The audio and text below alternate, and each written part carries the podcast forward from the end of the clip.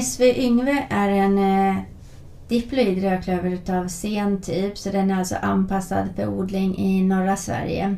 Den har förädlats i Lännäs i Ångermanland liksom Peggy rödklöver. Här har vi haft en eh, målsättning att ta fram en uthållig rödklöver för det här området.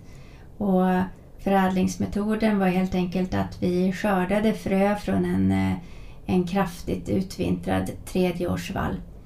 Eh, och det betydde att vi tog fram en sort som var väldigt uthållig. Namnet SV Yngve det har den fått efter eh, en person som arbetade under väldigt lång tid med växtförädling i norra Sverige. Han hette Yngve och var verksam eh, i 50 år.